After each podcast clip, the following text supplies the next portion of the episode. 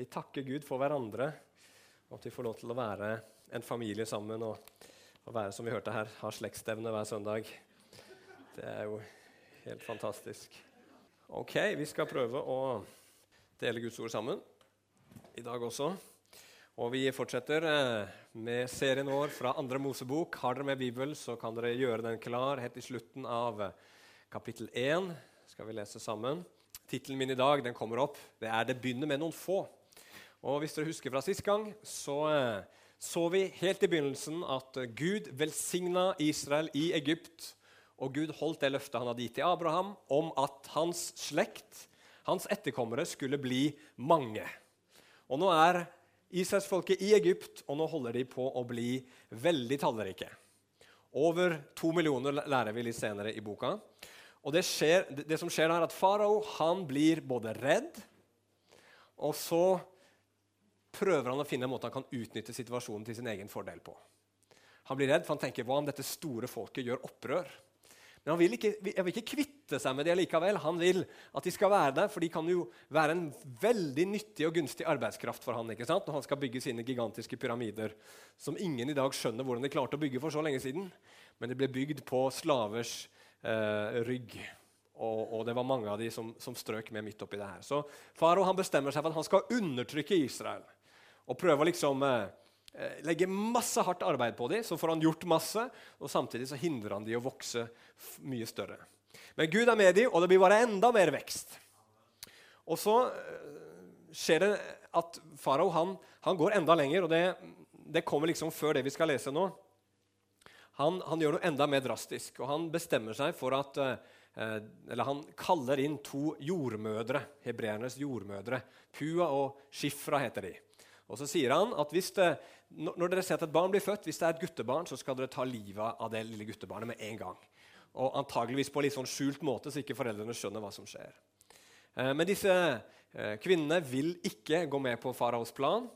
Eh, og de, de sitter og lyver og lurer farao. Allikevel så velsigner Gud dem. Det er jo litt spesielt, det.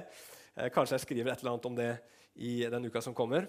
Men eh, farao der hvor vi begynner i dag, han tar da steget lenger. Når ikke disse jordmødrene vil samarbeide, så går han til neste steg, og det er at han eh, utlyser en åpenlys oppfordring til folkemord.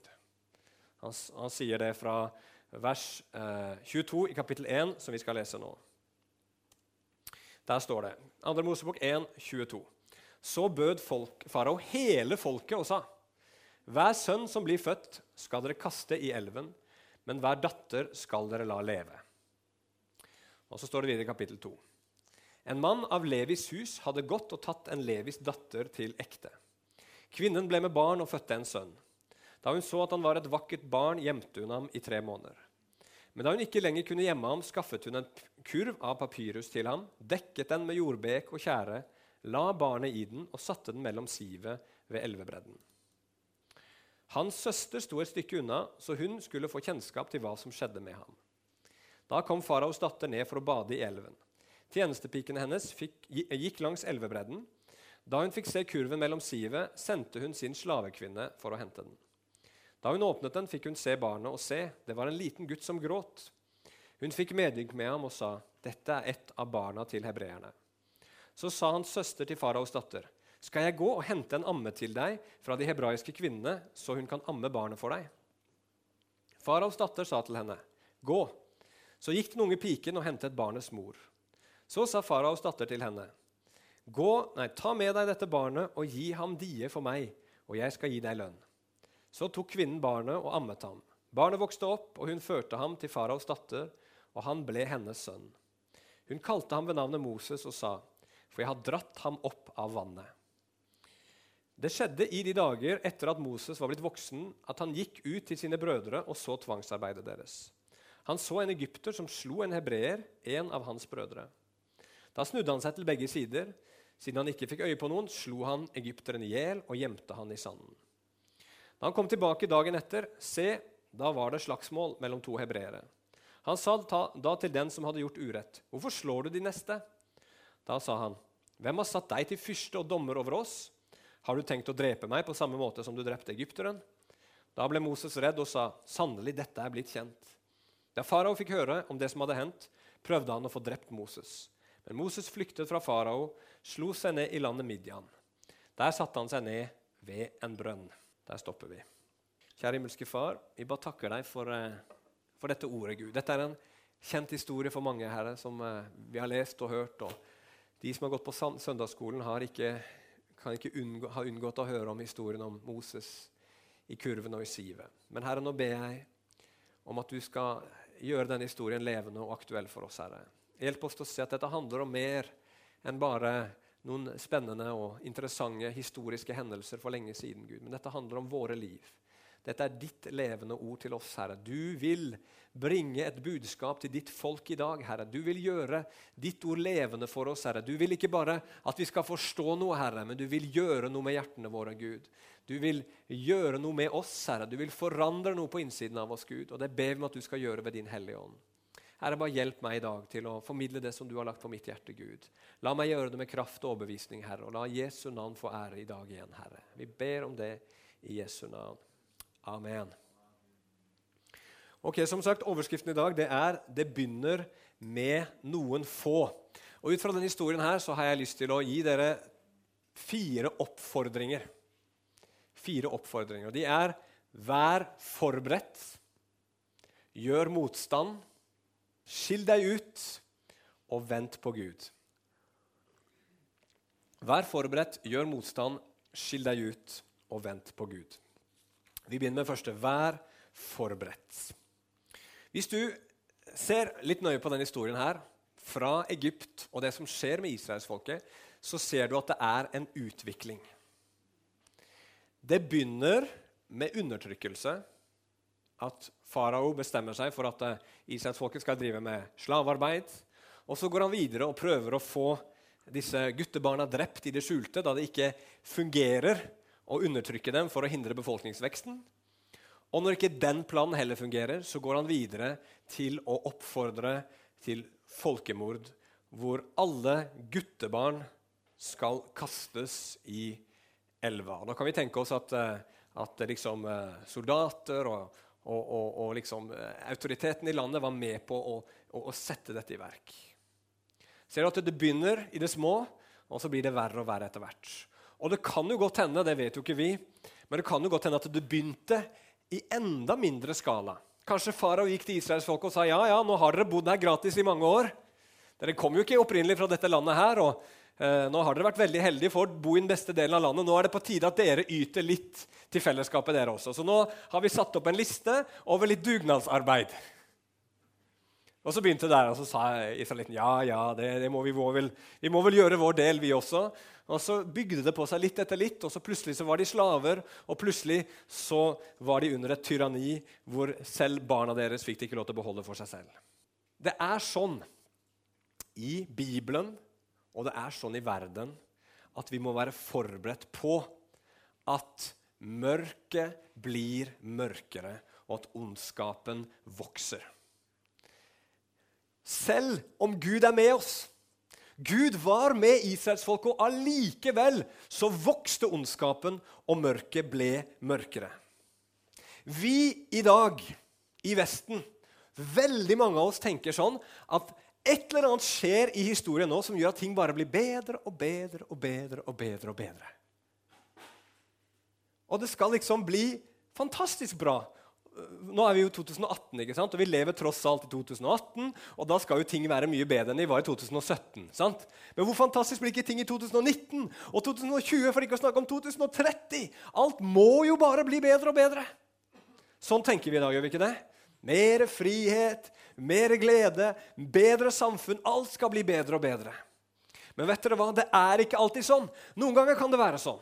Og Nå har vi opplevd det gjennom mange år, men det betyr ikke at det finnes en eller annen ustoppelig kraft i historien som gjør at ting blir bedre og bedre. Nei, historien forteller oss, og Bibelen forteller oss, at det også fins en mulighet for at det kommer mørke som blir mørkere og mørkere og mørkere.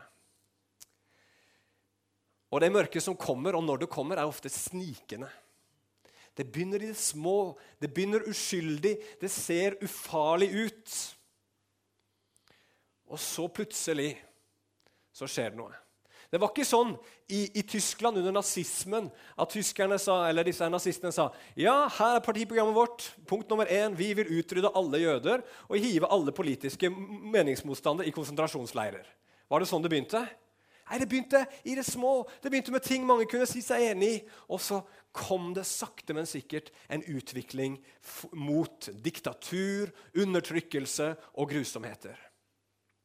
Hvorfor er det sånn? Jo, for det fins en fiende. det har vi om før, og det vet vi, det finnes en fiende. Djevelen, og helt fra begynnelsen så er han slu. Han er listig. Han tar det steg for steg. Og så blir det verre og verre, og plutselig så er vi i hans grep. For det andre så er det sånn at synd og synderen får aldri nok. I ordspråkene så står det om ilden. Ilden den er sånn at den blir aldri mett. Ikke sant? Hvis, går, hvis, hvis ilden begynner å brenne, så stopper ikke den før den ikke har flere ting å brenne opp. Det er ikke sånn at midtveis i et bygg så sier ilden nei, nå har jeg fått nok. Ikke sant? Nå holder det. Nå kan jeg, nå kan jeg gjøre noe annet. Nei, den brenner til det ikke er mer å brenne igjen. Og på samme måte er det med synden. Den er en kraft som aldri får nok. Vet du hva? Vi tenker noen ganger når vi ser utviklinga i samfunnet Det kan ikke bli verre, men det kan bli verre. For synden vil alltid ha mer. Synden blir aldri fornøyd. Synderen blir aldri fornøyd. Ofte så tenker vi mennesker at bare vi får tillatelse til det, bare vi får lov til å gjøre sånn, så skal vi nok bli fornøyd. Men blir vi fornøyd? Nei. Og da må vi pushe grensen ett hakk videre. Vi har sett det nå nylig i, uh, i dagspressen abort ikke sant, som har vært tillatt i, i, Norge gjennom mange år. Nå skal man plutselig utvide grensa. 24 uker. Og andre land så er det faktisk tillatt å abortere et barn helt opp til fødselen. Og det finnes sprø mennesker her i verden som påstår at man skal kunne utvide abortgrensen til etter fødselen. Og når ondskapen går langt i et samfunn, så er det barna det går utover. Og så er det uskyldig blod som begynner å flyte. Sånn som vi så her i, i Egypt det var barna. Det var dere, som måtte, de som måtte betale prisen. Og det ser vi også i det skjulte, men det fins der i vårt samfunn også. Men vet dere hva? Det vi kan vite, og det vi må være forberedt på, er ikke bare at, man, at, mørket blir mørkere, men at veldig ofte i historien og i Bibelen så viser det seg at når mørket blir mørkere, så er Guds frelse på vei. Og det er det som skjer i denne historien her. Og det har blitt meg fortalt at før metodistvekkelsen i England på 1700-tallet, som er en av de største vekkelsene det landet noensinne har sett, hvor, eh, hvor eh, sikkert millioner av mennesker vendte seg om til Gud, ble levende kristne, og, og, og, og den vekkelsen pågikk gjennom veldig mange år. Rett før den vekkelsen starta, var det så åndelig mørkt i England at i en av de største kirkene i England, St. Pauls katedral i London, så var det en håndfull personer på gudstjenesten en søndag morgen. Der var det ingen. Og så og det var, det var, jo mørkt over hele landet. ikke sant? Det var den industrielle revolusjonen, og, og mennesket var langt borte fra Gud. Men så brøt lyset gjennom. Og det kan vi også forvente. Men vi må være forberedt for at før mørket kommer, nei, før lyset kommer, så kan det bli veldig mørkt. Det kan bli veldig krevende. Noen av dere har kanskje hørt om Corrie ten Boom. Hun var en, eh, en, en, eh, nederlandsk kvinne som under krigen eh, sammen med sin søster hjalp jøder på forskjellige måter. Og Prisen de måtte betale for det, var at de havna i konsentrasjonsleir. Og led mye der. Men hun overlevde det og var, ble en forkynner i mange mange år etter krigen. Og Hun sa at hun hadde hatt kontakt med kinesiske kristenledere, og de hadde sagt at i Kina, rett før revolusjonen, da Mao tok makten i 1949, så hadde det vært veldig vanlig blant kinesiske kristne at man hadde forkynt at Jesus kommer før det blir noe trengsel. Vi kommer til å slippe unna trengselen. Ingen trenger å være redde, ingen trenger å være bekymra. Og hun sa at det var den verst mulige forberedelsen disse kinesiske kristne kunne fått på den, vek på den eh, ikke vekkelsen, men på den forfølgelsen som kom etterpå det. Og En av de kinesiske kristenlederne sa følgende vi har mislyktes. Vi skulle ha gjort folket vårt sterkt til å møte forfølgelse i stedet for å fortelle dem at Jesus kom før det skulle skje. Fortell folket hvordan de kan være sterke i tider av forfølgelse, og hvordan de kan stå når trengsel kommer. Stå og ikke miste motet. Vet dere hva? Vi må være forberedt. Bibelen forteller oss gang på gang, også i denne historien her, at når vi følger Jesus, så kommer det vanskelige og krevende tider. Uansett hva du tror om Jesus kommer igjen før, under eller etter den store trengsel, hvis vi skal liksom gå inn på det, så er det uansett sånn at kristne garantert, for det lover Jesus oss, vil møte trengsel og forfølgelse i dette livet. Og det må vi være forberedt på. Vi må være forberedt på det. Jesus sier det flere flere ganger. Vær forberedt. Vær våkne. Punkt nummer to gjør motstand. I denne historien her, når mørket blir mørkere, så ser vi fem eksepsjonelle kvinner som ikke lar det som skjer, bare kue de og hindre de, men de handler og de gjør aktiv motstand mot det onde som skjer. Vi har allerede hørt om Pua og Shifra, disse to hebraiske eh, jordmødrene som nekter å gjøre det som eh, farao ber om.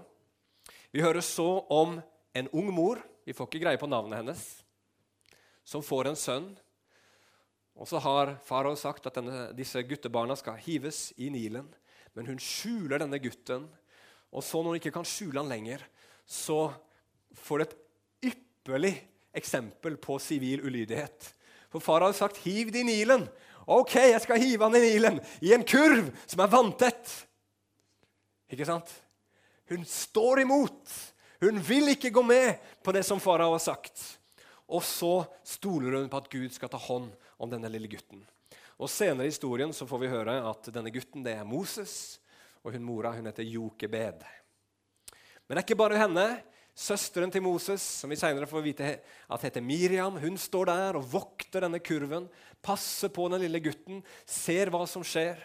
Og når den femte kvinnen, faraos datter, kommer, så er hun straks framme, våger å prate til en av de høyeste personene i det egyptiske samfunnet på den tiden og foreslår at eh, hun kan finne en amme til dette barnet.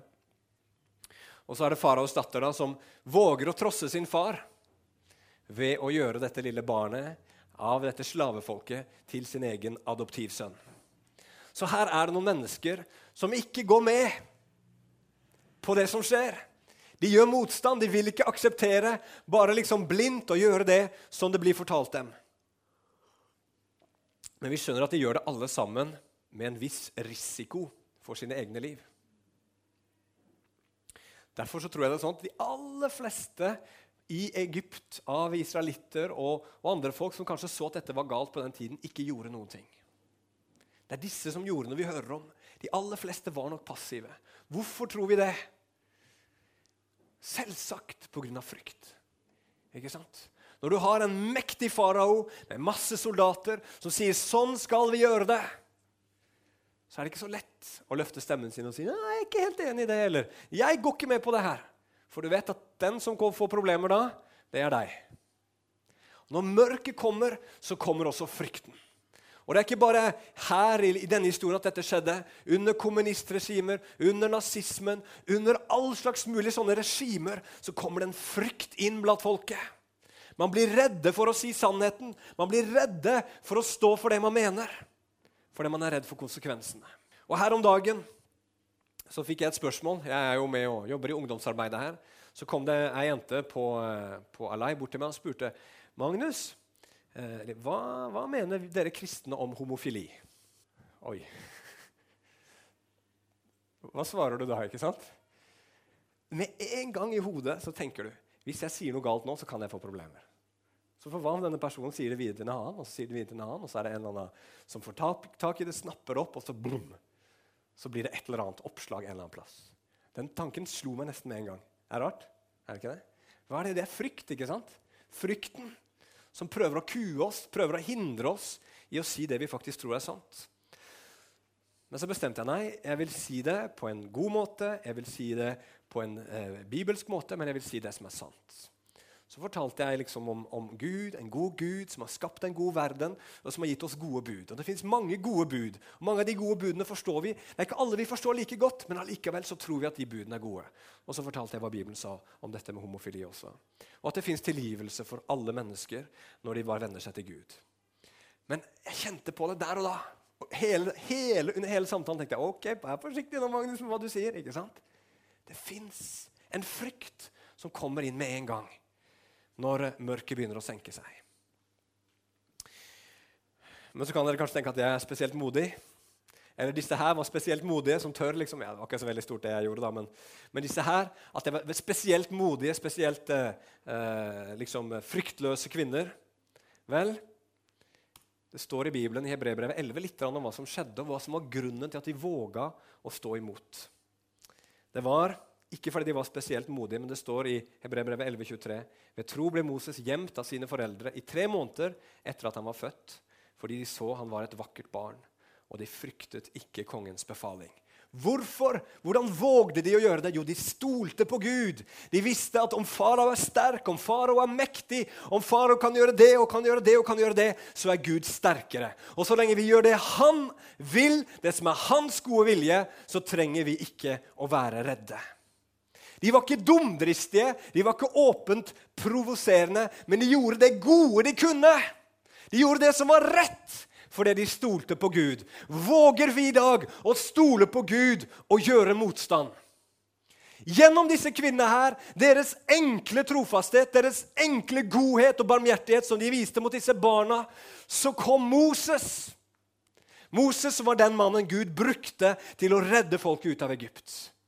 Det var Gud som sørga for redningen, men det var deres lydighet som la grunnen for at Gud kunne komme med sin frelse. Er du rede? Er du klar til å gjøre motstand? Og hva da? Jo, vi kan begynne med å be. Skal vi få den troen her, så må det begynne med at vi ber. Vi må begynne å tale, vi må tørre å si fra noe. Vi må tørre å si fra om det som skjer i samfunnet. Nå hørte jeg nettopp i Belgia, som er en av foregangslandene i Europa på eutanasi, at de hadde liksom hatt en litt sånn kritisk gjennomgang av hvordan det fungerte der. Og én ting som kom fram i, i, denne undersøkelsen, var at det ved ett tilfelle og Det var mye annet som var grusomt, men ved ett tilfelle så var det en person som skulle få frivillig eutanasi, altså at man eh, får dødshjelp, da, aktiv dødshjelp. En person som skulle få frivillig eutanasi, som måtte holdes nede for å få den frivillige eutanasien. Det er helt sprøtt. Eutanasi. ikke sant? Man sier ja, men noen lider så fryktelig, vi må bare gi dem muligheten til å dø en verdig død. ikke sant? Så låter det så fint, men ingen av oss forteller oss at fem år seinere kommer noen til å stå og holde en person nede som ikke vil dø allikevel, men som har skrevet under noen papirer og derfor må få sprøyta. Er dere med? Ondskap den er, den er, grusom, den brer om seg. I samfunnet i dag også så er dette med transseksualitet blitt veldig veldig stort. Og jeg må bare si Vi må ha omsorg og barmhjertighet mot alle mennesker som lider og som sliter, og de som kjenner på at de er liksom født i feil kropp. Vi må ha all mulig medlidenhet og vise dem all mulig kjærlighet. Men vi må ikke gå med på at de må skjære av sunne kroppsdeler at de må bli, bli liksom, eh, totalt forandra for at de skal få det godt. Nei, vi må hjelpe dem med sannheten. Om at det fins en Gud som elsker dem, og at de følelsene de har, ikke er sannheten. Han har skapt dem i sitt bilde. Og så må vi forkynne evangeliet for dem. Vi må våge å gjøre motstand, kjære brødre og søstre. Vi må tørre. Og vi kan stole på Gud, for han er på sannhetens side. Han er ikke redd. Og da trenger ikke vi heller å være redde. Og Hvis ikke vi står imot, så kommer ingen andre til å gjøre det. Og det vi må gjøre mest av alt, det er å forkynne evangeliet. Ok, La oss gå videre til neste punkt. Skill deg ut. Nå kommer vi til Moses. Moses da ble adoptert av eh, faraos datter. Han fikk den beste utdannelsen på den tiden. Han vokste opp ved faraos hoff. Han ble en mann som eh, beskrives som mektig i ord og gjerning. Eh, Stefanus han holder en tale i Apostlenes gjerninger og han snakker om det her og sier i vers 22 og Moses ble opplært i all egypternes visdom og ble mektig i ord og gjerninger. Men så står det, da han var 40 år gammel, ble det lagt på hans hjerte å besøke sine brødre Israels barn. Hva er det som skjer med, eh, med Moses her? Hvorfor vil han ut på tur og se hvordan Israels barn har det? Jo, i Hebreerbrevet 1 hvis vi går tilbake der, så forklares det. Ved tro nektet Moses da han var blitt stor, å kalles sønn av faraos datter. Han valgte heller å lide ondt sammen med Guds folk enn å ha en kortvarig nytelse av synden. Han holdt Kristi vanære for en større rikdom enn skattene i Egypt, for han så fram til lønnen. Noe begynner å skje med Moses. Moses han har det fantastisk. Han er privilegert, han er rik, han er velutdanna. Han har alt på sin side. Men han vet hvor han kommer fra. Han vet at han er en hebreer. Han vet at han tilhører å komme fra dette slavefolket. Og noe skjer i hans hjerte. Han begynner å bli dratt mot det folket. Og han begynner å skjønne at de blir behandla dårlig, at de blir undertrykt, at det er noe galt som skjer. Og så velger han side. Det skjer med Moses. Han frasier seg. Han vet at når han velger side nå, så kommer han til å komme i unåde hos farao. Han vet at nå, når han vil assosiere seg med sitt eget folk, så kommer han til å miste alt det som han har av privilegier og makt og ære. Og det koster ham mye, sånn som vi leser historien. Han mister alt. Han mister alt. Og vet dere hva? Nå i den tiden her, for oss som er kristne i Norge, som er respektert til en stor grad, som er, eh, eh, har det greit økonomisk, vi har det veldig, veldig bra, så er det veldig lett for oss å gjøre det vi kan, og ikke være villige til å gi slipp på det som vi har, for å stå på Guds side. På, for å stå på den, den, den siden, eh, stå på det rette side og på sannhetens side. Moses han kunne tenkt å, jeg kan gjøre så mye mer hvis jeg er her, her oppe liksom, i denne, denne, posisjonen av makt og innflytelse. Så kan jeg gjøre så mye mer for mitt folk eh, enn liksom å bli en av de. Altså Sånn menneskelig sett så kunne vi jo tenkt det. Han hadde makt, han hadde innflytelse, han kunne påvirke ting litt i kulissene. Men han velger ikke det. Og der må vi vokte vårt eget hjerte. Det er lett å komme med den unnskyldningen. Og Jeg skjønner ikke noen av disse eh, mine kjære prester og kollegaer i Den norske kirke som bruker litt det samme argumentet. Når Kirken går vekk fra Guds ord, så sier man ja, men jeg velger å stå. For jeg kan gjøre mer godt her ved å være midt oppi det enn å gå ut. Jeg tror ikke det er Guds vei. Jeg tror ikke det er Guds vei. Jeg tror Mange ganger så er det en fare ved det at vi tenker og sånn er vi alle sammen. Dette her er liksom respektabelt. Her har jeg en god, grei økonomisk situasjon. Det er andre ting også som spiller inn i bildet som gjør at man ikke vil gi slipp på det. og Så lager man en unnskyldning for seg selv, men det er ikke Guds vei. Er du og jeg villige til å skille oss ut? Er vi villige til å bli misforstått, forkasta? For Jesus skyld og for Hans ords skyld? For det kommer, Jesus sier det, en mester eller en, en, en disippel er ikke større enn sin herre. Har verden hata meg, så kommer den også til å hate dere. Er vi villige til å ofre det? Eneste måten vi kan være villige til å overvinne det og til å våge det, det er å holde Kristi vanære for en større rikdom enn skattene i Egypt. Du kan ikke gi slipp på denne verdens skatter for Jesus hvis ikke du har skjønt at Jesus er en mye større skatt enn alt det denne verden har å tilby. Og det står så bra i den sangen eh, eh, 'Det går for skåe'. Eh, rikdom og ære som mennesket gjev er ikke mer enn en morknende vev. Kan vi se det? At alt det denne verden har å tilby, er en morknende vev. Det er søppel! Sammenligna med det å være med Jesus og være trofast imot ham. Og det siste er vent på Gud. Det gikk bra med Moses. Han tok et riktig valg, og så tok han et dårlig valg etterpå. Åndelig og moralsk tok han et dårlig valg. Og hva gjorde han for noe? Jo, det står i vers 23 i kapittel 7 igjen i Apostlenes gjerninger. Da han var 40 år gammel, ble det lagt på hans hjerte å besøke sine brødre Israels barn. Og da han så en av dem lide urett, forsvarte han ham og hevnet ham som ble undertrykt, han slo egypteren i hjel. Han tenkte nemlig at hans brødre skulle forstå at Gud ville gi dem frelse ved hans hånd, men de forsto ikke det. Det er noe mer som skjer med Moses. Ikke bare ser han sitt folks undertrykkelse, men han begynner å skjønne at Gud kaller han til å være et redskap til å fri dem ut. Og Så ser han en dag to hebreere, eller en hebreer som blir slått og undertrykt av en, en egypter og så tar han saken i egne hender. Og så står han, han ser seg selv til, han ser til begge sider. ikke sant? Er det noen vitner? Ingen vitner. Og så dreper han ham. Han vet det er galt. Han vet han er kalt til å sette folket fri. Men han tar saken i sine egne hender, og så gjør han noe som Gud har sagt er galt. Og Da går det veldig dårlig etterpå det. Ingen av israelittene vil ha han som leder. Hvem har gjort deg til konge og fyrste over oss, sier de. Og Så får han problemer med farao, og så må han flykte. Hva var problemet til Moses? Jo, han stolte på sin egen kraft. Han venta ikke på Gud. Du vet at du ikke blir frelst av din egen kraft, gjør du ikke det? Du kan ikke frelse deg selv, men du kan heller ikke frelse andre mennesker ved din egen kraft. Gud kan ikke bruke mennesker som stoler på seg selv. Og Det finnes to grøfter her. Vi kan gå i Moses-grøfta og tenke at det, det, handler om vår dyktighet. Det handler om at vi må bli flinke, at vi må gjøre alle de rette tingene. Nå må vi se hva vi kan gjøre, sånn at verden blir frelst. Og så lener vi oss på våre egne evner. Jeg hørte om en menighet her hvor, hvor jeg prata med en, en, en, mann fra Frankrike. Han sa ja, vi har så mange dyktige, så mange gode folk i vår menighet at Gud kommer garantert til å gjøre noe gjennom oss. Og jeg tenker, Det er en farlig plass å være åndelig sett. For Gud han bruker ikke dyktige, flinke, begavede mennesker fordi de er flinke, dyktige og begava. Gud kan bruke dem for all del. Gud kan bruke alle. Men det er ikke våre evner det står på.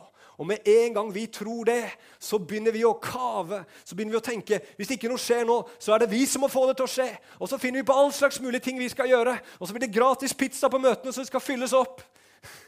I verste tilfelle, da. Jeg har ikke vært borti noen menigheter hvor det har skjedd. Men så gjør vi liksom all slags mulige ting. Å, vi må, vi må, gjøre det så fint, vi må gjøre det så flott, vi må gjøre det så perfekt, sånn at folk kan komme til Jesus. Vi må gi et fint, fantastisk glansbilde av Jesus, så folk kan få lyst til å begynne å tro på han. Og så gjør vi noe Jesus ikke har bedt oss om å gjøre. For Jesus har ikke bedt oss om å være hans PR-rådgivere og reklamebyrå. Han har ikke sagt kan, tenk, tenk på hvordan det kan gi et best mulig bilde av meg, så verden kan like meg. Han har ikke sagt det. Han har sagt vi skal gå og fortelle ham om han sånn som han er. På alle måter. Det er vår oppgave. Vi må ikke pynte på han. Vi må fortelle om han Jesus sånn som han virkelig er. Og, og, og, og Det er den ene grøfta å gå i. Gud vil ha oss på våre knær, ikke i vår egen styrke. Og så er den andre grøfta å gå i, den som jeg hørte her om dagen. Det forundra meg veldig. Men det sies, eh, dere får sjekke om det stemmer, men at de ortodokse jødene i Israel de sørger hvert år på uavhengighetsdagen. Fordi de mener at da Israel ble oppretta som stat, så skjedde det på altfor menneskelig vis. Det skulle bare være noe Gud gjorde helt alene. Så de mener at det er bare en, liksom en kjøttslig ting, det som har skjedd. Så sørger de. Da kaller jeg det å gå i en overåndelig grøft. For selv om Gud ikke er avhengig av oss mennesker, og ikke avhengig av våre evner, så bruker han allikevel mennesker. Og jeg er overbevist om at staten Israel den ble oppretta ved Guds hjelp og Guds hånd. Selv om det var mennesker involvert, og det var mange mennesker som gjorde mange ting, så var det Gud som sto bak det. Derfor så er det så viktig at vi ikke gjør som Moses, som tar saken i våre egne hender og finner på nå må det skje, vi skal få det til å skje. Og så går det veldig galt. Og så skal man begynne å manipulere i verste fall og begynne å, å, å, å kontrollere mennesker i verste fall. Nei, vi må vente på Gud. Stole på at vi gjør det vi skal gjøre, og så får Gud komme i sin tid med sin frelsesplan og sin vei. Ok, Vi skal gå til avslutning. Det begynner med noen få. I denne historien her så var det ikke så veldig mange. Det begynte med de, og så bana det veien for Guds frelse. Nå blir mørket større i vårt land og i hele Vest-Europa. Jeg tror ikke det er så vanskelig å se det. Kristen tro, kristen tenkning, kristne verdier, det kristne budskapet høres mindre og mindre. Folk vet mindre og mindre om det. Og vi ser at hedningeskapet fra gammel tid kommer tilbake igjen. Hva gjør Gud da? Jo, han begynner med noen få. Han begynner med noen få. Og noen få som er klar over at det kan bli verre, men som allikevel står. Noen få som vet at Gud har en plan, og som vil gå med Gud uansett. Noen som er disipler, som er forberedt, som vil gjøre motstand, som vil skille seg ut, og som vil vente på Gud. Fins det noen her i dag som vil gjøre det? Hvordan kan man gjøre det? Jo, vet dere hva, kjære brødre og søstre? Den eneste måten du og jeg kan klare det, det er ikke ved å ta oss sammen, tenke at nå skal jeg jammen meg være en superkristen. Eller nå skal jeg gjøre mitt aller beste, så skal det nok bli bra nok. Nei, det eneste du og jeg kan gjøre, det er å leve i evangeliet om Jesus Kristus. Og det er det denne historien her handler om også. Det handler om Jesus, for det er en som er større enn Moses. Og han, Moses sa selv det skal komme en profet etter meg, og han er det som skal redde folket. Og denne historien her om et lite barn som ble født, og som han prøvde å ta livet av helt fra, fra, fra, starten av, er også historien om Jesus. Historien om denne redningsmannen som ble forkasta av sitt eget folk da han ville prøve å redde dem. Det er også historien om Jesus. Og kjære brødre og søstre, historien om Jesus det er den vi må leve i skal vi stå i den tiden som kommer. Hvis vi lever i evangeliet, da kan vi være forberedt, for vi ser hva som skjedde med Jesus. Vi vet at selv om Gud er med deg, selv om du er Guds egen sønn, så betyr ikke det at du ikke vil møte motstand og problemer i denne verden. Hvis Jesus gjorde det, så kommer vi også til å møte det. Da kan vi være forberedt. Hvis du og jeg ser at gjennom Jesus så har Gud, den allmektige, rettferdige, hellige, blitt vår far. Bare tenk på det. Prøv å få den tanken til å passe inn i hodet ditt. Hvis du får et glimt av det, så kommer du til å bli så fri som noe menneske noen gang har blitt. At den allmektige himmelens og jordens skaper er din far som elsker deg. Trenger du da egentlig å være redd for noen ting noensinne noen gang da? Jeg sier ikke at jeg aldri er redd, men jeg sier jeg trenger ikke være redd. For den allmektige er min far. Og hvis min far er den allmektige, da kan jeg gjøre motstand. Da trenger ikke jeg være redd for å si det som er sant. Da trenger ikke jeg være redd for å gjøre det som er rett. Men da kan jeg finne en trøst og en kraft og en tro og en trygghet i den sannheten. Amen. Vi kan også våge å skille oss ut hvis vi lever i evangeliet. Tenk på alt det Jesus gikk igjennom i kjærlighet til deg. Fordi han elska deg, så utholdt han skammen, står det. Han så fram til lønnen, og lønnen, det var deg, og det var meg. Han gikk gjennom et, et, et, en forferdelig død på et kors. Han ble skilt fra sin far i himmelen for å frelse oss. Skal ikke vi også, i kjærlighet til Han, gå gjennom det som denne verden tilbyr oss av vanskeligheter og problemer? Og så kan vi tåle skammen. Vi kan tåle å bli kasta ut og være blant de som ikke er de populære. For de vet at vår skatt det er ikke verdens lovprisning og, og, og, og verdens aksept. Vår skatt er Jesus Kristus. Når du og jeg lever i evangeliet, så ser vi hvor skatten vår er, og da kan vi tåle skammen. Og så kan vi vente på Gud. Den historien som vi kaller evangeliet, er en historie om noe helt utrolig, helt ufattelig, som aldri noe menneske kunne finne på. At gjennom død, gjennom mørke, gjennom at ondskapen fikk fritt spillerom, så vant Gud en mektig, evig seier. Jesus døde når noen dør, da er det slutt på alt håp. ikke sant? Så lenge det er liv, er det håp, sier vi. Men der var det ikke liv lenger. Men vår Gud, han er så mektig. Han er så mektig at selv gjennom døden, selv ved å la sin egen sønn dø, så kunne han vinne seier over ondskapens krefter. Hadde disiplene bare venta litt, istedenfor å bli mismodige og, og, og, og lei seg, så hadde de vært forberedt på den seieren som ville komme. Men seieren kom uansett om de var forberedt eller ikke. heldigvis. Men sånn er det med oss også. Det kan hende det blir veldig mørkt. Det kan hende det ser helt håpløst ut. Er du villig til å likevel følge Jesus da? Hvis du tror på evangeliet, så kan du. For da vet du at vår Gud han er en Gud hvor ingenting er håpløst for han. Ingenting er umulig for han. Han seirer til slutt, uansett og alltid. Amen. Og det er kjernen i evangeliet. Og den seieren, den er vår. Så la oss bare være trofaste. La oss stå med Gud, slik disse kvinnene og Moses gjorde på den tiden. La oss lære av deres eksempel og finne kraft til å gjøre det gjennom evangeliet. Amen. La oss be. Kjære himmelske Far, vi takker deg. Herre, du Herre, du, du, ser hvilken tid vi lever i. Herre. Vi vet ingenting Gud, om hva som skjer akkurat nå i verden. Herre. Vi vet ingenting om hva som kommer, Gud. Vi vet ingenting, Herre, men vi vet Gud, at veldig mange av våre brødre og søstre rundt omkring i verden går gjennom tøffe og vanskelige ting for ditt navns skyld. Herre, forbered oss også, Gud, til å stå, Herre, når kampen blir stor. Så ikke vi blir lurt, Herre Jesus, til å gå av fra veien, til å gå vår egen vei, Herre. Til å gi opp, Herre, rett før seieren kommer. Herre, hjelp oss, Gud, i Jesu navn, til å stå og bli stående. Ikke i vår egen kraft, men i den kraft du gir, i din ånd og gjennom ditt ord, Herre. I Jesu Kristi navn. Amen. Amen.